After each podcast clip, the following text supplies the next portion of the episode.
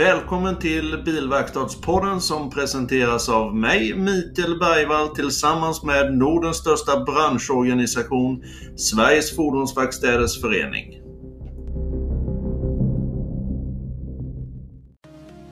Vill du också slippa backjobb i din verkstad? ClowK visar dig var pengarna rinner ut och hjälper dig att täppa till hålen.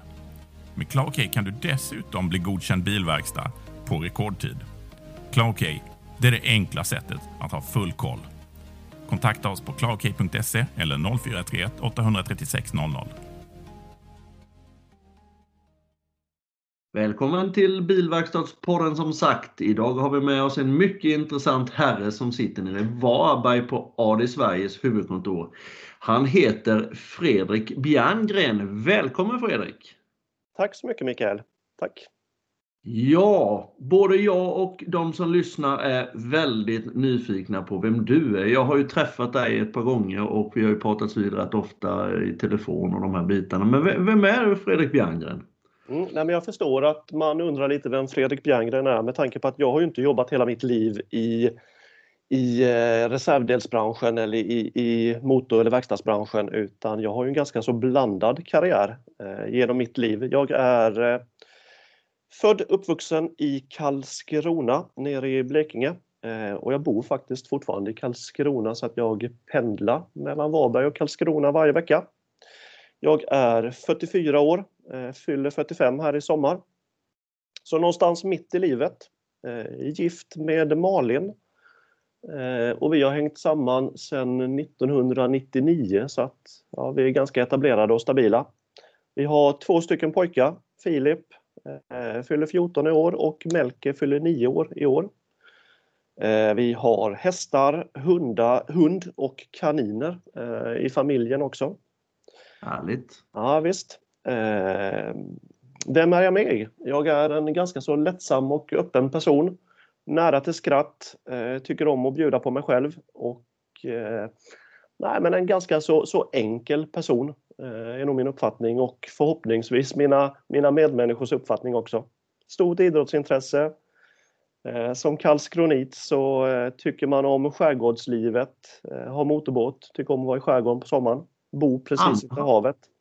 Handboll, är inte det stort Karlskrona? Det, nej, det kan ja. man inte. Jo, jo, men handbollens vagga sa man ju en gång i tiden föddes i Karlskrona eh, med fina laget IFK Karlskrona. Eh, ja. Just nu så kämpar man i, eh, i allsvenskan eh, precis under elitserien.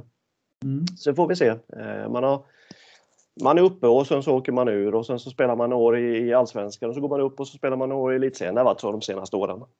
Ja. Är det mycket rivalitet med Kristianstad då? Det ligger ju relativt nära.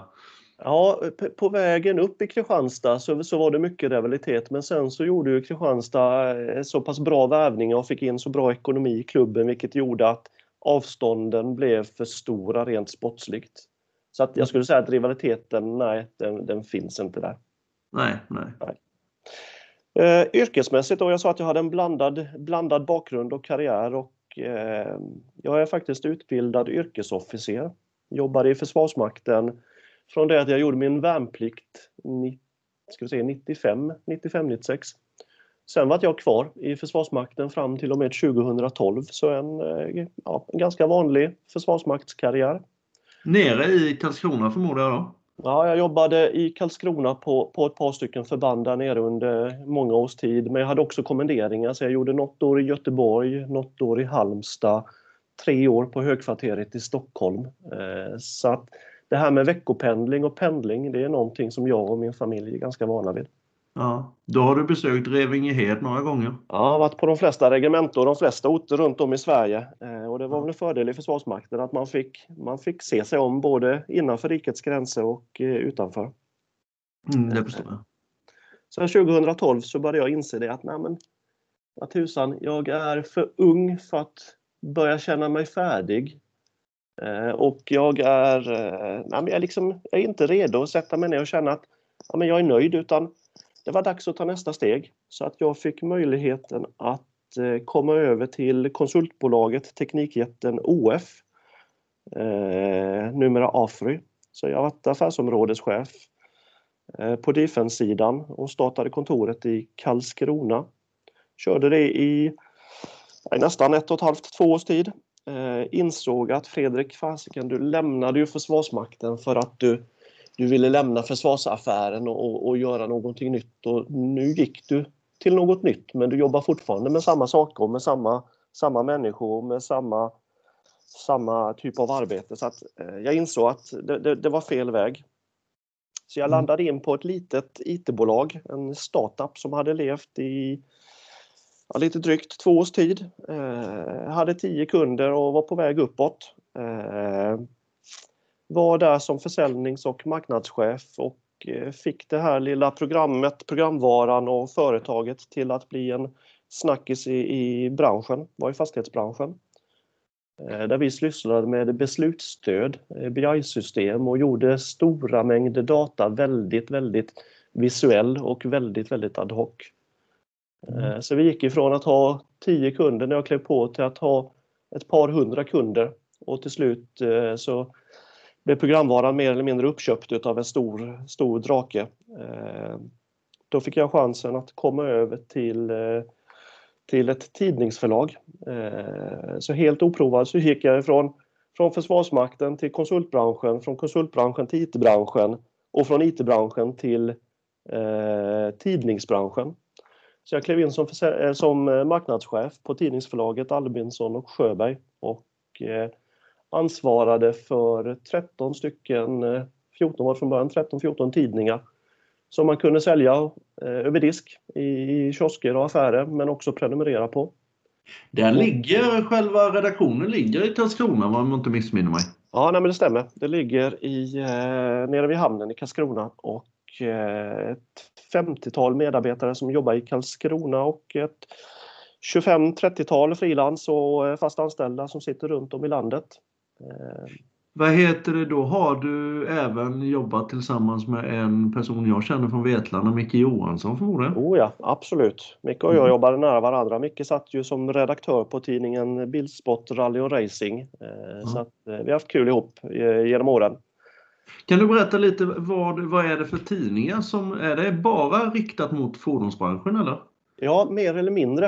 Eh, man har eh, tidningen Bilsport som egentligen låg i, i, i grunden eh, för eh, koncernen Albinsson och Sjöberg, eller Fabasgruppen. Och eh, med tidningen Bilsport då som man förvärvade eh, på, på eh, 70-talet, 74, så växte förlaget och eh, i takt med att bilkulturen eh, växte i Sverige så knoppade tidningen Bilsport av sig och blev eh, tidningen Trailer för lastbilsbranschen, tidningen Bilsport Classic för eh, amerikanska jänkebilar, muskelbilar blev tidningen Bilsport Rally och Racing för eh, Svenska Bilsportförbundet och alla som, alla som har en tävlingslicens inom motorsport kan man väl säga. Mm. Eh, blev tidningen Nostalgia för de som gillar europeiska eh, klassiska eh, entusiastbilar. Blev tidningen Trucking, blev eh, eh, tidningen Four Wheel Drive, blev tidningen Rock'n'Roll som då är egentligen den enda som, ja, men som spretade lite. Ja. Så, ja, tidningen Fyndbussen, eh, trot eller ej, trots eh, digitaliseringen och Blocket så, så var det en tidning som hade ganska god livskraft. Eh, men hur, hur ser det ut med den tidningen just nu? Nej, men den, den lever och frodas och, och har, en, har en helt okej okay upplaga för att vara 2021. Ja. Jag kommer väl ihåg de här skourna var alltid inne och annonserade ja. Jajamensan, stämmer. Helt rätt. Ja. De var ju stora inom dragracing och motorsport också och de har mycket sponsorskap där. Ja, just. Ja, men på 80-talet var det väl framförallt. Eh, ja. Sen så, det, det, förlaget sen gjorde också var ju att man gjorde väldigt mycket bransch, äh, mässor. Både branschmässor och eh, publika konsumentmässor och event. Eh, så man gjorde ett tiotal event varje år. Eh, där den största mässan var Bilsport Performance Custom and Motor Show på Elmia eh, på påsken. Med eh, i runda slänga 75 till 100 000 besökare på fyra dagar. Är den, inte, Är den inställd i år måste jag ju fråga, men det är den förmodligen. Ja, den ställdes in både förra året och detta året. Det man däremot gör är att man gör en digital variant av det hela, så man har fyra stycken tv-sändningar under, under de dagarna mässan skulle varit med, med olika teman. Och, eh, där kommer AD vara med och synas och ha ett huvudsponsorskap eh, under, under det här året. Ja, trevligt. Ja. Mm. Sen ägde man Mantorp Park, eh, motorbanan utanför eh, Linköping, mellan Linköping och Mjölby och man eh, var delägare i, i Emmaboda flygbana tillsammans med Emmaboda kommun.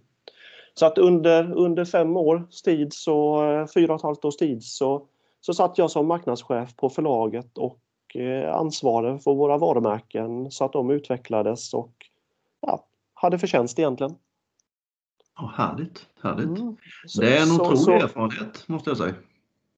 Absolut. Eh, och där skiljer jag kanske mig, eller jag vet att jag skiljer mig väldigt mycket från mina kollegor då i branschen Eh, där jag ser väldigt mycket ur ett både konsumentperspektiv och entusiastbilsperspektiv och motorsportsperspektiv. Mm. I och med att jag har lärt känna den, den branschen och, och, eh, den hobbyn och kulturen inifrån på ett helt annat sätt. Mm. Och det ser jag som en otrolig styrka i, i mitt arbete i, i vardagen. Mm. Sen i ja, men allt, allt, allt kul har ju, har ju ett slut och allt eh, slut har ju början på ett nytt. Så att i, i eh, februari månad förra året, så, nästan ett år sedan, så, så kom jag i kontakt med ADE för första gången när de sökte en ny försäljnings och marknadschef. Så efter lite samtal med Adam och med... Eh, ja, men man, man vill ju alltid kolla sig omkring och eh, höra lite grann om, om potentiella framtida arbetsgivare. Så efter lite intervjuer och prat med folk i branschen så, så insåg jag det att eh, AD står inför en, en kul utmaning. Och jag fick en kul utmaning av Adam också som, som gjorde det ganska enkelt sen i slutändan. Så att i maj förra året så klev jag på AD och mm. började en ny resa i livet. Mm. Och det, det, får jag lov att säga, det, man, man ska inte vara rädd för att byta varken inriktning eller, eller, eller bransch eller jobb så här mitt i livet utan det, det är ju en ynnest, det är en nytändning. Man får, man får lära känna nya människor, man får ta de erfarenheter som man har i ryggsäcken och, och, och applicera på, på nya arbetsplatser och på nya projekt. Och, och, och eh, ja, men det är berikande och det berikar dessutom eh, både arbetsplatsen och organisationen. Absolut, absolut. Om vi, går, om vi går lite djupare in på det då, din roll på, på, på det jobbet du har nu då inom AD. Jag vet ju om att ni har haft konferenser, webbkonferenser och de här bitarna. Men kan du berätta mer detaljerat hur, ja dels hur en arbetsdag ser ut för dig och dels vad dina uppgifter är inom AD? Mm. Eh, min uppgift inom AD är ju att se till att AD växer och ökar i omsättning kan man väl säga. Eh, och, och, och, på slutraden så handlar det om att vi ska generera intäkt. Eh, och där skiljer sig AD lite grann ifrån från övriga i kedjan i och med att vi var ju fram till maj månad 2019 ett, ett medlemsföretag likt OK, Q8 eller OK och eh, eh, vad heter det, Konsum för att ge två exempel. Men man gjorde en bolagisering eh, och medlemmarna fick möjlighet att, att eh, teckna aktier i sina bolag. Eh, det innebär egentligen att den styrelse som styr mig är ju inte riskkapitalister utan det är ju våra medlemmar som sitter i vår styrelse och butikerna i slutändan. Eh, så att när jag säger att vi ska tjäna pengar så är det ju inte vi som, som eh, AD Sverige som ska tjäna pengar. Givetvis ska vi ha en avkastning så vi kan ha en verksamhet och, och ha en utveckling framåt. Men de som ska tjäna pengar hos oss, det är ju våra butiker och våra verkstäder. Eh, och det är ju det uppdraget som jag har då ifrån styrelse och ifrån VD att, att eh, se till att, att öka våran omsättning och öka våran intäkt eh, i slutändan. Mm. Och då får man ju se till att, att använda den verktygslåda som man har i det här fallet. Och jag ansvarar då för en försäljningsavdelning och jag ansvarar för en marknadsavdelning där vi gör ja, men ganska mycket inhouse. Eh, Sen ansvarar jag för, för, för vårt varumärken och våra varumärken som vi har i, i, i våra butiker. Så att de är säljbara och så att, så att konsumenterna förstår vad det är de får när de kliver in på en AD-verkstad eller kliver in i en AD-butik. Mm. Är butikerna, kanske missförstår lite, men butikerna ägs inte heller utav AD alltså? Vi har eh, tre olika typer av ägandeskap. Eh, ja. Vi har eh, aktieägare, det vill säga förra medlemmar som gick in och köpte sin butik eller butiker, för vi har någon som äger flera. Vi har, när vi sätter nya butiker, så går inte de in som aktieägare direkt, utan de blir franchisetagare i, i vårt AD-koncept. Och sen så är de det in tills dess att de får möjligheten via, via årsstämman eh, att, att eh, köpa in sig i sitt eget bolag. Sen har vi egenägda butiker, ett par stycken också. Eh, och det är egentligen på orter där vi inte har hittat en ny franchisetagare eller vi har inte hittat en bra entreprenör som kan drifta och driva butiken vidare vi har bra butikschefer där, så det är inte det jag säger utan vi har ingen, ingen som har gått in och eh, velat eller kunnat köpa för det är ju inte bara att, att gå in och säga att jag köper bolaget utan man ska ju både ha kunskap eh, och, och en, en, ekonomi som möjliggör det hela. Mm. Mm. Så att eh, vi har, har ett visst antal butiker som är i ett eget aktiebolag i, i koncernen. Men det är inget självändamål att vi ska ha dem utan vi som, som eh, AD Sverige vi ska inte drifta butik utan de ska ut. Eh, och det är också ett av mina uppdrag att, att få ut de här butikerna i, i, i eget ägande och inte ja. under Sverige av. Hur många butiker hade ni i Sverige? Vi har 70 eh, stycken. 70 butiker. 70 och butiker. antal franchisetagare eller antal medlemmar och verkstäder som drivs under AD-flaggan? 70 butiker, ungefär 250 verkstäder, lite slarvigt räknat eh, som har AD-skyltning. Och sen så är ju vi, precis som många andra, leverantörer till betydligt flera verkstäder. Så vi har väl ett tusental verkstäder som vi antingen är första, andra eller tredjehandsleverantör till. Mm. Det innebär att eh, du, ni eller AD rättare sagt levererar även reservdelar till, till verkstäder och eh, butiker som inte är AD-anslutna, eller hur? Ja, nej, men det stämmer. Mm. Så, så, så, så, är det ju. Eh, utan där har man ju ett, ett, ett eh, handelsavtal i så fall som, som, som styr. Mm. För övrigt när det gäller AD, jag vet ju att ni är engagerade i både STCC och rally-SM. Vill du utveckla det lite? Mm. Eh, vi, eh, när jag klev in då så klev jag in med min kunskap och kompetens ifrån motorsportbranschen och eh, entusiastbilskulturen. och jag insåg ganska snabbt att där har vi en ganska stor målgrupp som vi inte bearbetar överhuvudtaget. Eh, och de, de, vi är knappt synliga för dem. Eh, vi har haft sponsring och haft engagemang i innebandy och vi har haft engagemang i ishockey och vi har haft skyltar på idrottshallar och lite alla möjliga, men det har, det har spretat lite granna. Eh, här vill jag nu försöka samla ihop oss istället så att där vi ska bli stora, där vi ska göra ett avtryck, det är inom den, den, den, eh, den bransch där vi verkar. Eh, I det här fallet då så är det ju automotivbranschen. Eh, och då vill jag göra ett avtryck så att man verkligen vet vilka är AD, vilka, eh, vad, vad kan AD leverera och så vidare. Därutav då att, att vi gör en satsning med start 2021. Eh, vi smygstartade den lite grann redan i, i förra året i, i maj med STCC. Men det här året så, så tar vi ett officiellt partnerskap i STCC för ADs räkning. Vi blir official lubricant eh, partner med eh, oljan Valvolin som vi har agenturen för. Vi eh, går in i ett utav teamen och blir huvudsponsor till Team Micke Kågered. Och det gör vi därför att vi vet att bilentusiaster finns på motorarenorna. De, de tittar på motorsport eh, och då sätter vi vårt eh, varumärke AD i kontexten tillsammans med motorsport på, på ett väldigt snyggt sätt. Dessutom så når vi ut väldigt, väldigt brett till väldigt mycket mekaniker eh, som i sin tur då förmodligen jobbar på en verkstad för att om de skruvar med STCC-teamet eller med V8 Thundercast-teamet eller Porsche Carrera Cup-teamet i, i depån på fredagen och lördagen eller lördagen och söndagen, ja men då jobbar de förmodligen i en verkstad måndag, tisdag, onsdag, torsdag, fredag. Och det innebär ju att vi får ju en synlighet på precis rätt ställe för, för vår målgrupp. Mm. Så det, det, det är STCC. Eh, Micke Kågered då som vi väljer att gå in och, och göra den här satsningen tillsammans med är ju vad ska vi säga det, Nestor i, i, i motorsporten. Han har ju levt på motorsport professionellt i, i, i över 30 år. Firade 30 år eh, i dragracing-cirkusen eh, förra året.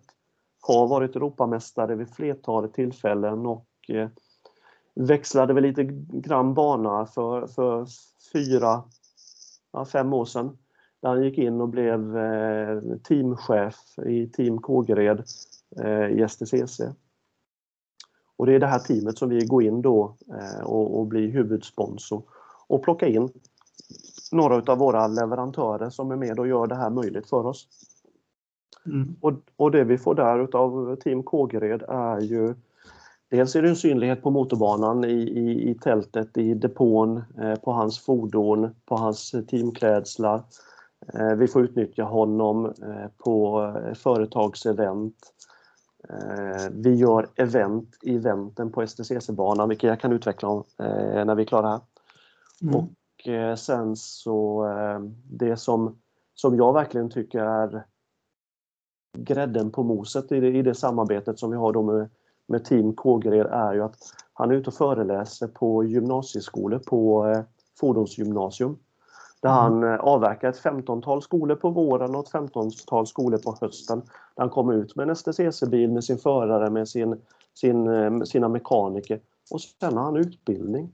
Han mm. har oljelära, han har bromslära, han har maskinlära, han har framvagnslära.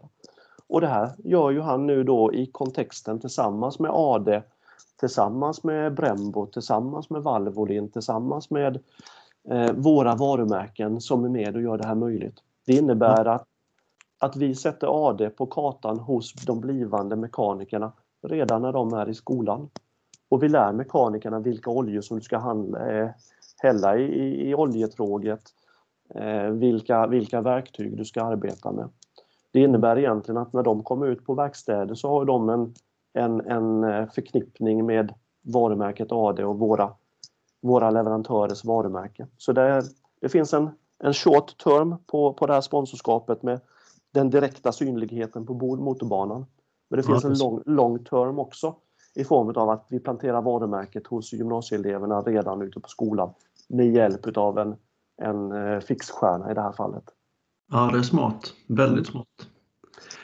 Eh, och det, det, det, jag ville komma till sen mycket då var liksom eh, eventen på, på, på motorbanorna då. Det, där handlade ju egentligen om att bygga event i eventet. Där jag får en möjlighet att bjuda in mina kunder, butikerna. Butikerna får i sin tur en möjlighet att bjuda in sina kunder, verkstäder eller industriföretag eller, eller, eller andra potentiella kunder till att få en, en, en, en trevlig dag på motorbanan med allt ifrån lite föreläsning till kanske en leverantörsföreläsning till, till föreläsning om STCC, någon förare kommer att berätta. Eh, sen tittar man på lite, lite utav racen ihop eh, och då sitter ju givetvis någon som har tävlat på absolut högsta yppersta nivå och är lite ciceron för det hela och ja, men förhöjer så att man vet vad man ska titta på. Sen ja. går man ner i depån och tittar gemensamt, kommer in i teamtältet, får gå bakom skynket och och titta hur man arbetar på, på en eh, depåplats. Eh, få träffa teamchefen, få träffa föraren. Äta en lunch i hospitaliteten hos, hos det team som vi besöker. Ja, men vi bygger en VIP-dag på motorbanan för våra kunder eh, i och med det här eventet. Vill du också slippa backjobb i din verkstad? CloudK visar dig var pengarna rinner ut och hjälper dig att täppa till hålen. Med CloudK kan du dessutom bli godkänd bilverkstad på rekordtid. CloudK det är det enkla sättet att ha full koll. Kontakta oss på clarkey.se eller 0431 836 00. Hur, hur, de här eventen och det, de är ju givetvis väldigt effektiva, det, det förstår jag. Men hur, hur, hur, slår nu läget som är nu när det gäller coronan och det här mot, mot era tänkta event? Nej, men så, så, så, är det ju givetvis. Vi hade ju en ganska diger eh, eventplan eh, med STCC, med rally-SM. Jag tänker vi ska prata lite rally-SM om en stund också. Eh, men STCC, rally-SM, men också de stora entusiastbilseventen som, som vi var inbokade på. Eh, givetvis slår coronan mot det, men här gäller det att hitta synlighet på andra sätt. Eh, och det vi sitter och gör just nu, vi, vi poddar ju tillsammans just nu Micke. Mm. Eh, det är faktiskt någonting som, som vi kommer göra på AD också. Där mm. jag har signat tillsammans med Bauer Media.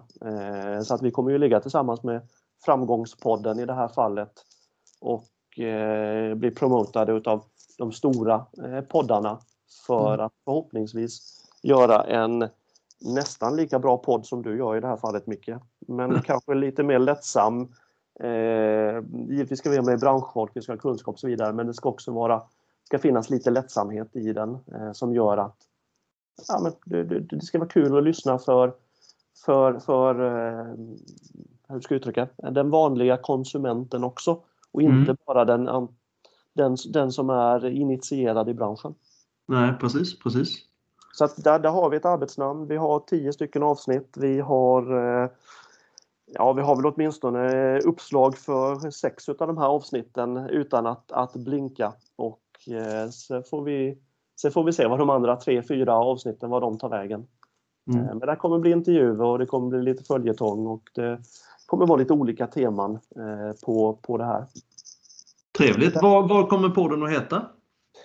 Eh, vi har två stycken arbetsnamn. Eh, det ena är Reservdelspodden. Mm. Eh, det andra är ju våran devis Älska varje mil. Eh, mm. Så får vi se lite granna. Det kan vara som så att den heter Reservdelspodden Älska varje mil. Och sen har vi lite olika inriktning på, på, eh, på innehållet i det här fallet. Trevligt. När är premiären? Har ni bestämt det? Ja, vi... Allting handlar ju om tid i det här fallet och tid är väl kanske det som jag har absolut minst utav. Mm. Men någonstans framåt sommaren så kommer vi försöka spela in eh, de här avsnitten. Sen får mm. vi se om vi spelar in tio i en följd samtidigt eller om, och, och, släpper dem en i veckan eller varannan vecka eller om vi, om vi poddar efterhand. Där, där har vi inte riktigt landat ännu. Nej, nej. Och tanken är att med två stycken programledare som, som har lite, lite härligt eh, tugg sinsemellan. Någon som är lite mer lättsam, folklig, familjär, eh, lite mer känd eh, och sen så någon kanske lite mer, an, vad ska vi säga, mer initierad, mer eh, kunskapskunnig eh, inom ämnena. Ja, ja. ja, det är ju jättespännande. Det ser jag fram emot att lyssna på. Definitivt. Eh, och vi, vi ser fram emot att göra det eh, och, ja. och, se hur det här tas emot. Mm. Sen, sen handlar det om Eh, tar vi STCC, ja men de kommer ju livestreama eh, STCC plus. Vilket mm. gör att vi ser till så att, att de som vi hade velat bjuda eh, våra butiker, våra, våra verkstäder, våra, våra kunder. Vi ser till så att de får, får tillgång till den här kanalen STCC plus eh, på, ett, på ett bra sätt så att de kan följa motorsporten. Mm. Eh, vi eh, vi håller ju kontakt med våra verkstäder, med våra butiker varje år på olika sätt. Eh, vi har något som vi kallar för regionmöte eh, där vi åker runt i landet, samlar butikerna på fyra stycken orter. Eh, och sen har vi workshop, föreläsningar och workshop med dem under, under en hel dag. De här sakerna möjliggörs ju inte riktigt just nu med pandemin som är i samhället och vi vill inte riktigt vara de som Eh, vad ska vi säga, skrinlägger möjligheterna för våra verkstäder genom att dra in en pandemi på en verkstad eller dra in, dra in en pandemi i en butik. Utan vi arbetar ju med de riktlinjer som Folkhälsomyndigheten ändå har gett ut. Ja. Eh, och, och, och, nästan skrivit reglerna själva internt snäppet tuffare för att inte för att inte dra in någonting i kedjan utan försöka, ja, försöka hålla oss så friska och kuranta som möjligt och att då samla butiker till en endagskonferens, workshop. Det, det, är inte möjligt. Så att där kommer vi fortsätta att göra digitala varianter. med ja, Teams, Teamsmöten eller Zoom-möten. Men vi vill försöka höja dem till en, en högre nivå, vilket gör mm. att istället för att sitta med datorn i, i, i Varberg och titta i en halvtaskig kamera så flyttar vi in i en studio med, med en riktig kamera, med riktiga mikrofoner och med riktiga hjälpmedel. Så att mm. vi utifrån vårt perspektiv kan sända med en hög kvalitet. Mm. Och dessutom möjliggöra då eh, grupparbeten, workshop, breakouts och så vidare. Eh, där vi grupperar våra butiker i lite olika konstellationer och låter dem workshoppa eh, runt omkring olika ämnen. Ja, ja. Teknik, tekniken finns ju där. Det handlar bara om att att vi ska utnyttja den på, på, på ett smart och klokt sätt. Ehm, och här kommer jag då förmodligen in med, med lite nya tankar och lite nya idéer in till AD som man inte tidigare har provat.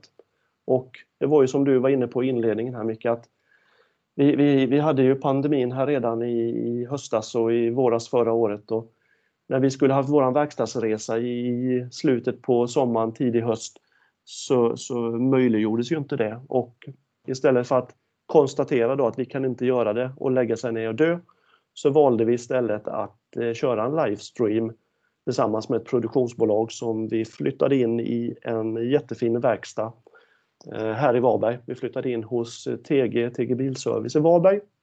Sen li livesände vi under fyra timmar mellan klockan 10 och 12 och 13 och 15 Sen hade våra butiker i sin tur samlat sina verkstäder som de ändå hade en daglig kontakt med eh, i, eh, i en butik eller man samlades i ett eh, konferensrum eller eh, i ett hotells konferensrum där man hyrde in sig. Eh, och sen så tittade de på den här livestreamen och hade möjligheten att chatta med oss in eh, live och de hade möjlighet att ställa frågor in och vi hade flygande reporter som var ute och livestreamade ifrån ett par stycken olika nedslag runt om i Sverige där våra butiker hade samlats, äh, samlat sina verkstäder. Mm, mm. Och upplägget var lite grann att, att äh, ja, men, om, om du tänker dig TV4s morgonsoffa, Nyhetsmorgon på, på fyran. Äh, det upplägget där vi hade ett ganska, ganska digert schema med ett, kan det ett 20-30-tal programpunkter som vi sen hade gäster in i våran soffa eller gäster in vid vårt ståbord. Och sen så genomförde vi intervjuer som, eh, ja, men, som var i dialogform, i samtalsform. Där vi givetvis hade lite stolpar. Eh, en del hade mera stolpar och en del hade lite mindre stolpar. Eh, och sen blev det ett samtal mellan två eller tre personer runt omkring aktuella ämnen i branschen. Eh, och det här togs emot väldigt, väldigt bra. Eh, vi, I vanliga fall så har vi 200-250 eh, verkstadstekniker, verkstadsägare som åker på en, en konferensresa tillsammans med oss. I det här fallet så har vi nästan 10 000 som har varit inne och tittat på den här livestreamen. Och den låg väldigt länge öppet på, på vår hemsida.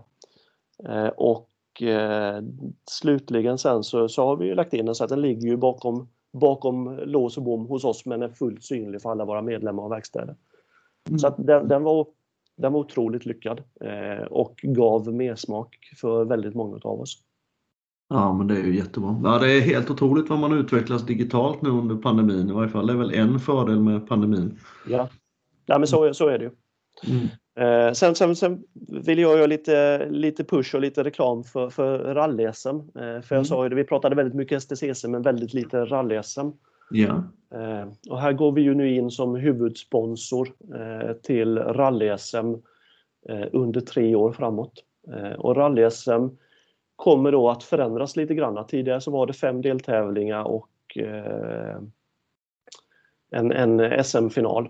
I det här fallet nu så blir det 16 stycken deltävlingar på 16 olika orter med, fem, eller med tre stycken olika moment i sig. Det är sprint-SM, det är eh, vanlig skogs-SM och sen så är det asfalt. Så det blir, det blir, blir tre olika typer utav SM eh, helt enkelt. Och det här året då 2021 så kommer SM genomföras på av 16 orter så har vi en AD-butik på 13 utav orterna vilket gör det att vi får ett väldigt aktivt och nära Eh, deltagande ifrån butikerna och ifrån verkstäderna. Och sen då precis på samma sätt som vi gör med våra, våra butiker och verkstäder på STCC så gör vi det fast ute i rallyskogen. Så att vi tar ju ut, tar ju ut eh, våra gäster i skogen, grillar lite korv på någon bra specialsträcka så att vi står på ett, på ett strategiskt bra ställe att umgås. Eh, och sen så ser vi när startfältet tar sig förbi en eller två eller tre gånger beroende på hur sträckan är dragen. Samma sak här, här har vi med oss då en, en ciceron eh, som är eh, kunnig inom motorsport och branschen och vunnit SM i rally själv och eh, Bilsport Award. Eh, och det är Tobias Johansson som i det här fallet är då en eh, butiksägare uppe i Ludvika eh, som kommer vara ciceron och följa med oss och förhöja hela rallytävlingen egentligen. Så att det, det, är planerna runt omkring kring rally. Så att någonstans så kommer vi tillsammans med eh, rally-SM och med STCC göra ett ganska så stort avstamp inom motorsporten i, i Sverige det här året och tre år framåt.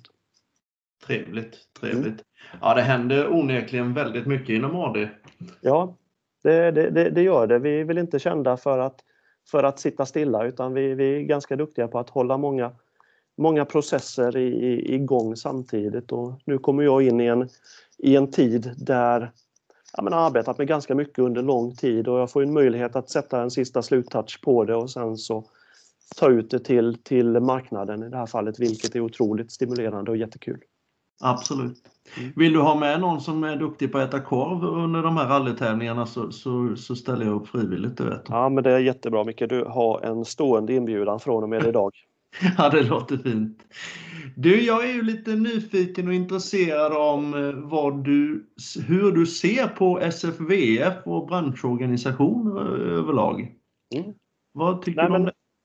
SFVF, är, min syn på en branschorganisation är att det är eh, nästan ett måste för att samla ihop och driva frågor som branschen, verkstäderna själva inte riktigt har kunskap eller tid eller möjlighet rent ekonomiskt att göra. Så det, det är viktigt att, att, att man går in och tar det breda branschansvaret. Eh, men det är också viktigt när man tar det breda branschansvaret att man faktiskt är oberoende. Eh, för man hjälper ju inte en specifik kedja eller en specifik verkstad utan man hjälper ju branschen. Då, då är oberoendet jätteviktigt för mig. Eh, men, men att ha en organisation, en branschorganisation som jobbar för verkstäderna, det, det ser jag som, som en styrka för, för branschen. Och det blir en styrka för konsumenten i slut, slutledningen också, eller i förlängningen också. Eh, och det man gör då, som jag, som jag ser man gör som är bra, det är ju att man, man omhändertar de frågorna som, som våra verkstäder har eh, och bryter i dem på, på ett bra sätt. Eh, den juridiska hjälpen som, som verkstäder kan få eh, är i mångt och mycket otroligt värdefull. Mm.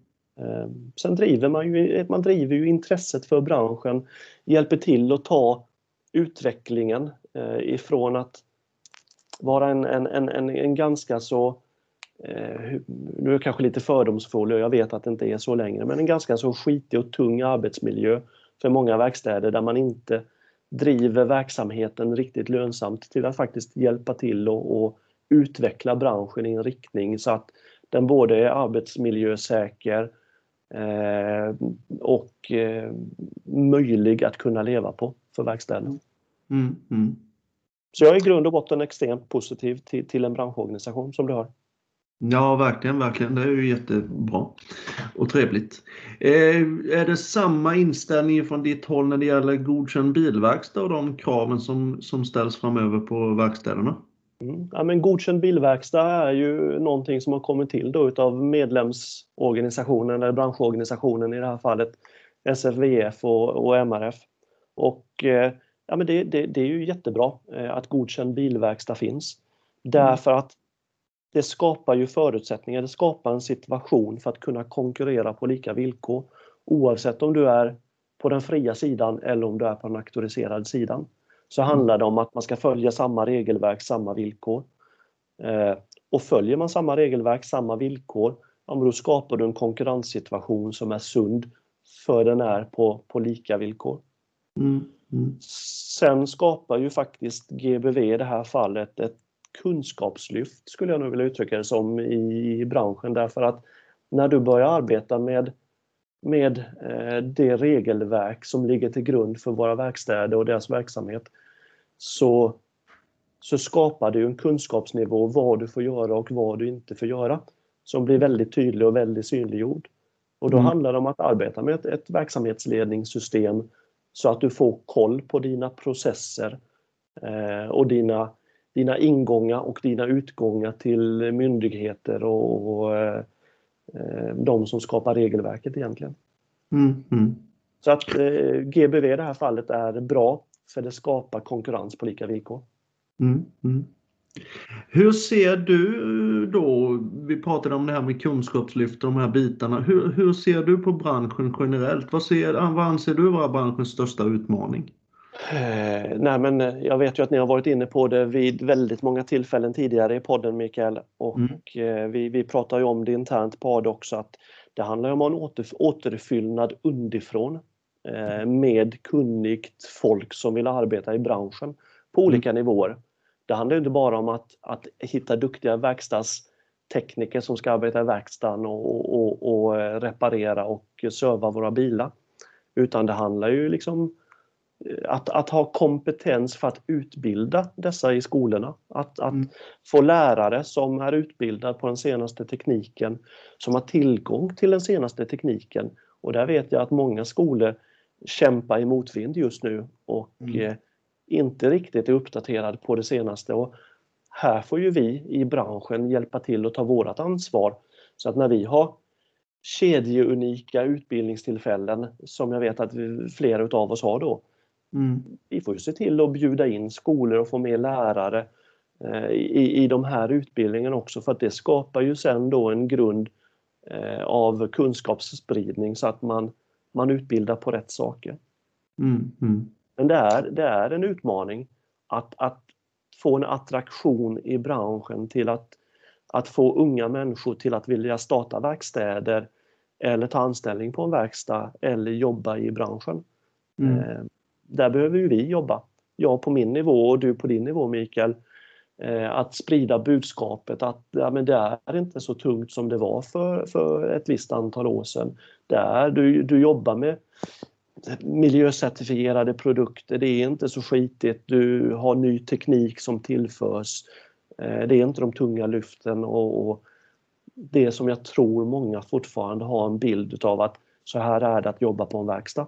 Du och jag vet ju att Eh, det är inte riktigt på det sättet längre. Nej, verkligen inte. Verkligen inte.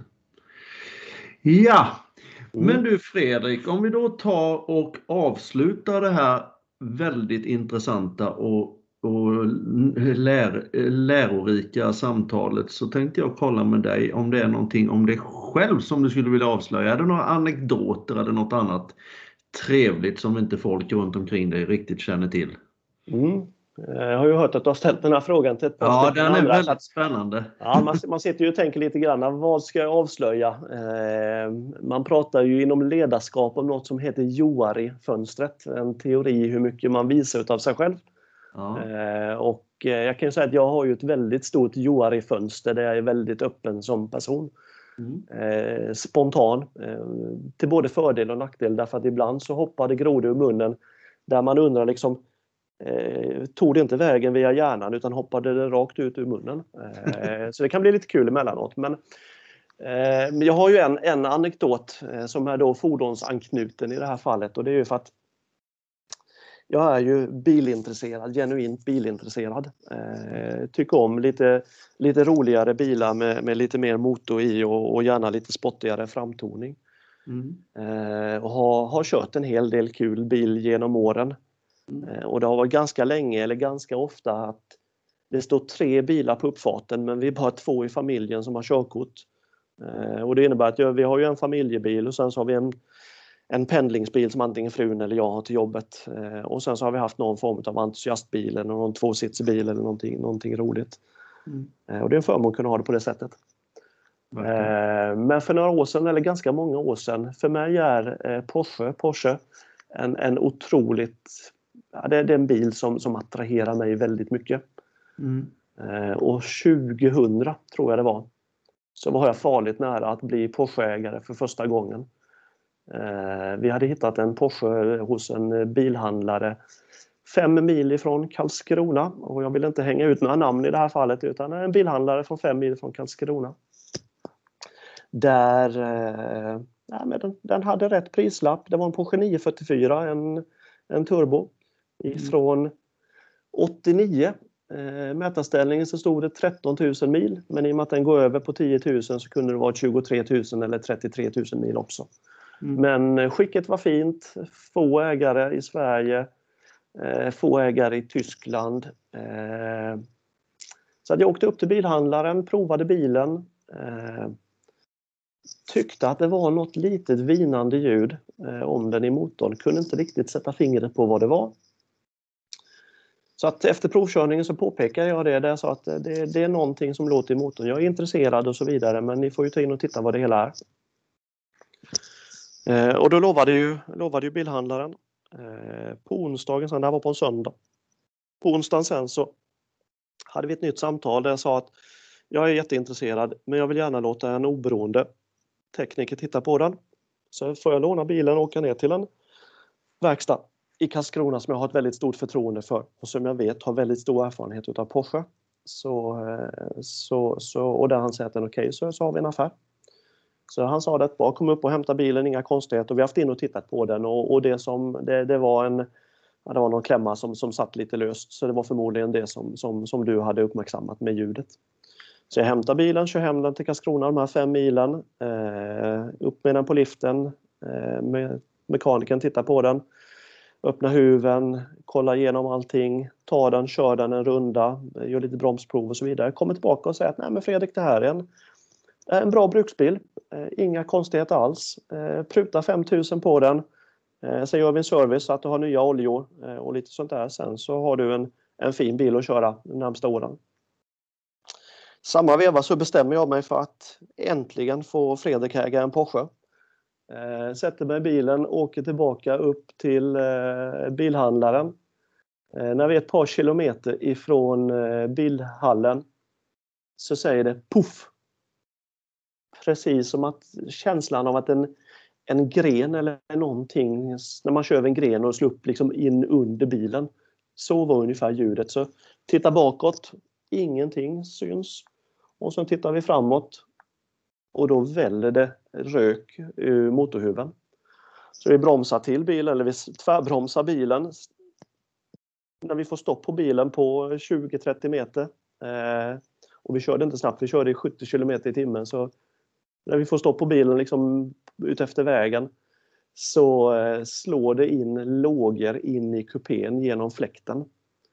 Eh, så det var ju egentligen bara att hoppa ur bilen, stänga dörren, eh, ringa 112, eh, se till så att um, brandkåren kommer. Eh, sen låg det ett, ett hus eh, 40-50-tal meter därifrån.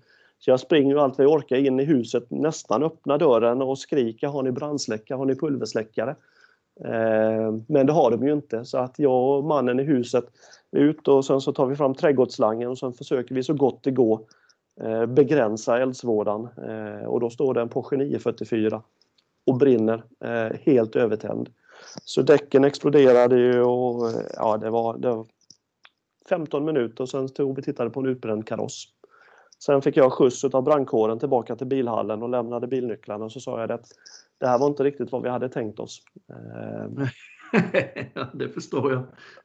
Så att eh, ibland händer saker. Sen var det en brandutredning på den här bilen och det som, som visade sig var ju då att bränsleslangen eh, formpressad i ett stycke eh, hade släppt ifrån motorblocket. Eh, mm. Ingenting som någon förmodligen ut, ut ja, att, att godset hade släppt på något sätt. Så att bensin med 2,5 bastryck hade ju sprutat rakt ut på motorblocket då som var Ja, motorn var ju varm för jag hade kört en tre mil med bilen, tre och en halv mil med bilen. Eh, så det var ju explosionsartat så att det var ju en ren, ren tur. Så att det en var riktig skräckupplevelse nästan. Ja, verkligen. Eh, så dagen efteråt kunde man läsa i, i Smålandstidningen Drömbilen gick upp i rök. Och, och det Så att, eh, drömmen består av att äga en Porsche. Eh, hustrun där hemma hon vet ju om detta så att vi är ju båda medvetna om att det är ju inte om utan det är ju när. Som som mm. jag kommer köpa en, köpa en Porsche. Nu får vi väl vänta till barnen utflygna. Kan jag tänka. Ja precis, precis. Allting har sin tid. Så är det, så är det. Du Fredrik, jag mm. tackar dig för som sagt tidigare en jättetrevlig samtalsstund och jag önskar dig all lycka till i framtiden och även AD och jag hoppas verkligen att du hittar din Porsche. Det hoppas jag också Mikael och jättestort tack för att jag fick vara med här i podden. Ja. Ha det så bra nu. Ha det bra. Tack så jättemycket. Hej! Tack. Hej! Vill du också slippa backjobb i din verkstad? CloudK visar dig var pengarna rinner ut och hjälper dig att täppa till hålen. Med CloudK kan du dessutom bli godkänd bilverkstad på rekordtid. CloudK det är det enkla sättet att ha full koll. Kontakta oss på clarkey.se eller 0431 836 00.